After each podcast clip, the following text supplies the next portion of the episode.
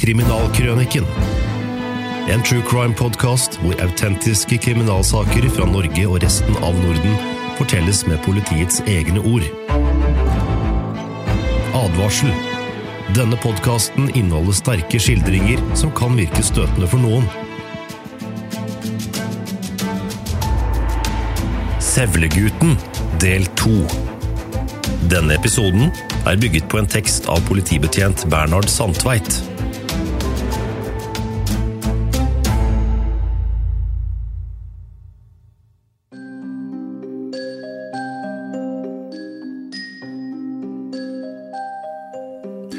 Året er 1832. På vei hjem etter en tur til Sigdal finner bonden Gudbrand Torjussen Ruud fra Rollaget Numedal liket av en myrdet mann hengende etter en fot i et tre langt nede i et stup. Det er den omreisende selgeren kalt Sølvtølløf som er blitt brutalt myrdet og ranet. Men hvem står bak rovmordet i den ellers så fredelige bygda? Lensmannen og hans menn er på saken. De vil ha svar, og det er mer enn én som har sterke mistanker om hvem gjerningsmannen kan være.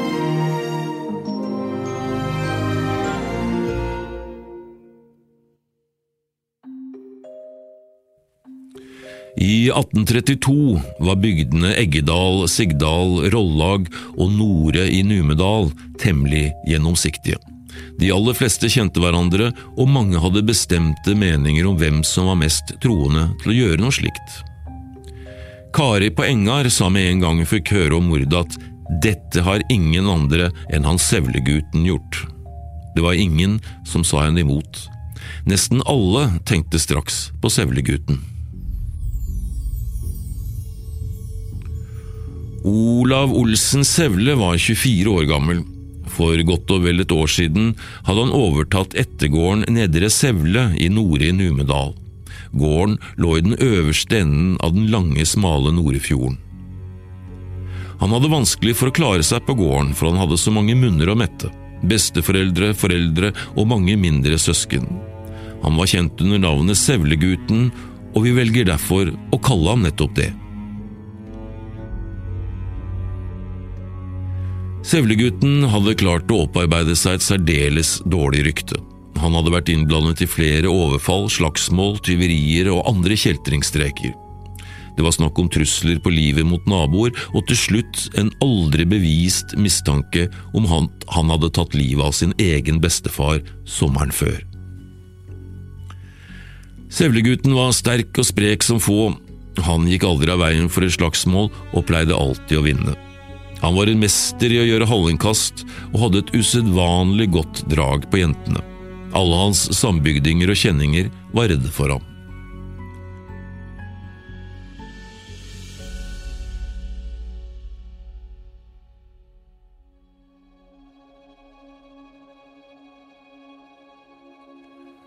Den 11. februar 1832 hadde han reist fra Sevle til et marked i Bragernes i Drammen.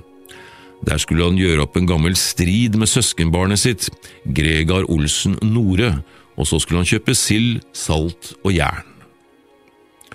Han fikk kjøpt en halv tønne salt og en kvart tønne sild, men ikke noe jern. Pengene tok slutt. Han fikk Gregar til å kjøre saltet og silden hjem, for han hadde hest og slede.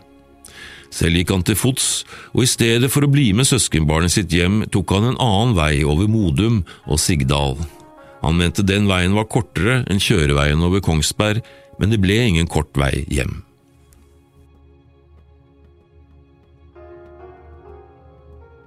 Søndag den 19. februar kom Sevlegutten til Hole i Sigdal og tok inn der. Like etter kom også Sølvtølløf med den tunge ryggsekken sin.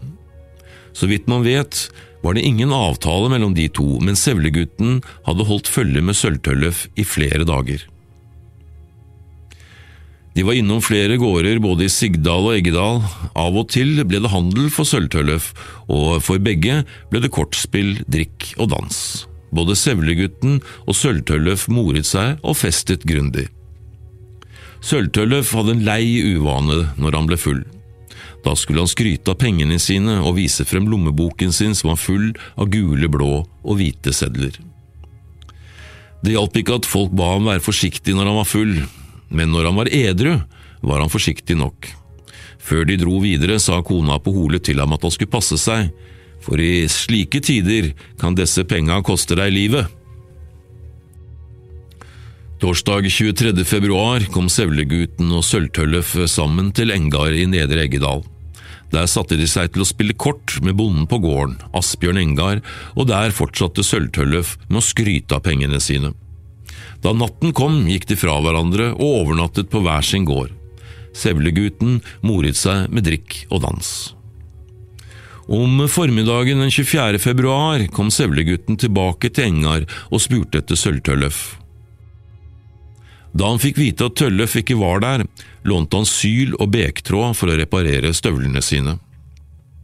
Mens han holdt på med det, kom Sølvtøllef, og da leverte Sevlegutten fra seg både syl og tråd, enda han slett ikke var ferdig med støvlene. Han gjorde seg i stand til å gå. Til folkene på Engar sa Sevlegutten at han ville gå bygdeveien nordover Eggedal, om Rugland og Bøle til Nore i Numedal. Sølvtølløf skulle en annen vei, Nedalsveien, for å komme til Vegli i Numedal.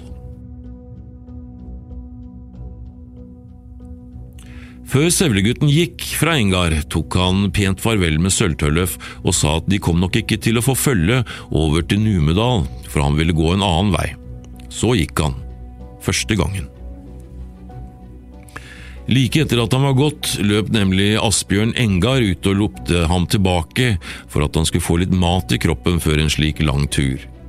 Da hadde Sevlegutten slått inn på Nedalsveien i stedet for bygdeveien oppover Eggedal. Han fikk seg noe mat, og først ved tolvtiden gikk han fra Engar for annen gang. Da han var gått, gikk kona på gården, Tora Engar, ut for å se etter ham. Da var han igjen på vei mot Nedalen, og hun måtte rope til ham for å få ham til å slå inn på rett vei.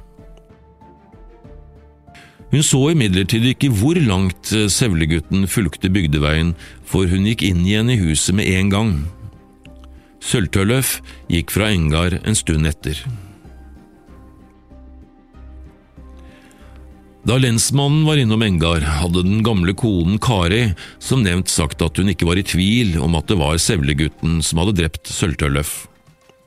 Vi skulle ha advart han Tølløf, sa hun flere ganger.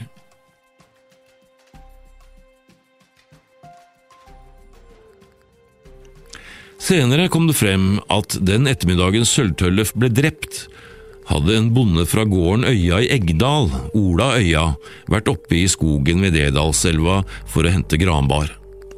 Ved 16-tiden satt han oppi en gran for å skjære ned noen greiner. Da hadde han sett en kar som var iført langtrøye og som bar på en tung ryggsekk. Mannen kom vassende i snøen vestfra. Mannen gikk ned på elvisen ved en råk, tok av seg sekken og la seg ned for å drikke. Ola ropte til mannen og sa at han burde ikke drikke for mye av det iskalde vannet. Mannen skvatt til og svarte at isvannet ikke skadet ham. Så fikk han det travelt med å komme seg av gårde, men han gikk i en stor bue utenom Ola i grana. Ola hadde sett mannen et par ganger før og kjente ham igjen. Det var Sevlegutten. Sevlegutten trasket videre østover til han fikk se to karer som sto og snakket sammen på bygdeveien et stykke overfor Øyabrua. Han tenkte vel det var best å holde seg langt borte fra disse karene så de ikke skulle kjenne ham igjen. Han la i vei og vasset i den løse, dype snøen over noen åpne jorder som tilhører gården Bergerud. Da karene fikk øye på mannen som vasset i den dype snøen i stedet for å følge veien, ble de nysgjerrige. Den ene av dem, Rasmus Ullberg fra gården Ullberg i Øvre Sigdal, ble så nysgjerrig at han ga seg til å følge etter den underlige karen som nå hadde tatt seg frem til bygdeveien. Sevlegutten snudde seg og så at den ene av karene fulgte etter ham og langet ut nordover. Men Rasmus Ullberg var også sprek til å gå og begynte å hale inn på Sevlegutten, som hadde den tunge ryggsekken å bære på. Sevlegutten gikk for bare livet og klarte til slutt å gå fra Rasmus Ullberg, selv om denne småløp rett som det var. Rasmus måtte gi opp.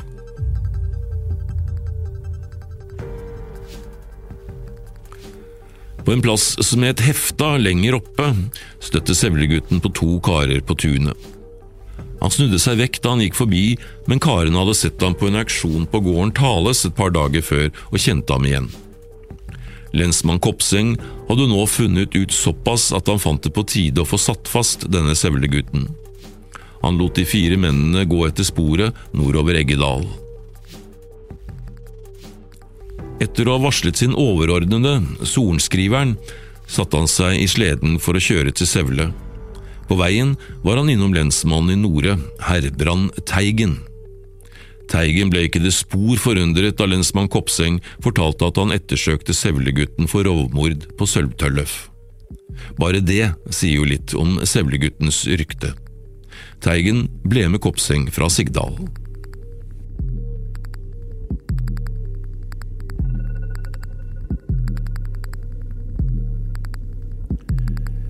Vil de to lensmennene finne Sevlegutten, klarer de å samle nok bevis mot ham til å få ham dømt for det brutale drapet på Sølvtølløf? Kanskje får du svaret i neste episode. Du har hørt andre del av Sevlegutten. Denne historien er bygget på en tekst av politibetjent Bernhard Sandtveit. Forteller Hans Olav Tyvold. Produsent Marianne Moe og Christian Gilsvik. Podkasten er produsert av Radio Metro.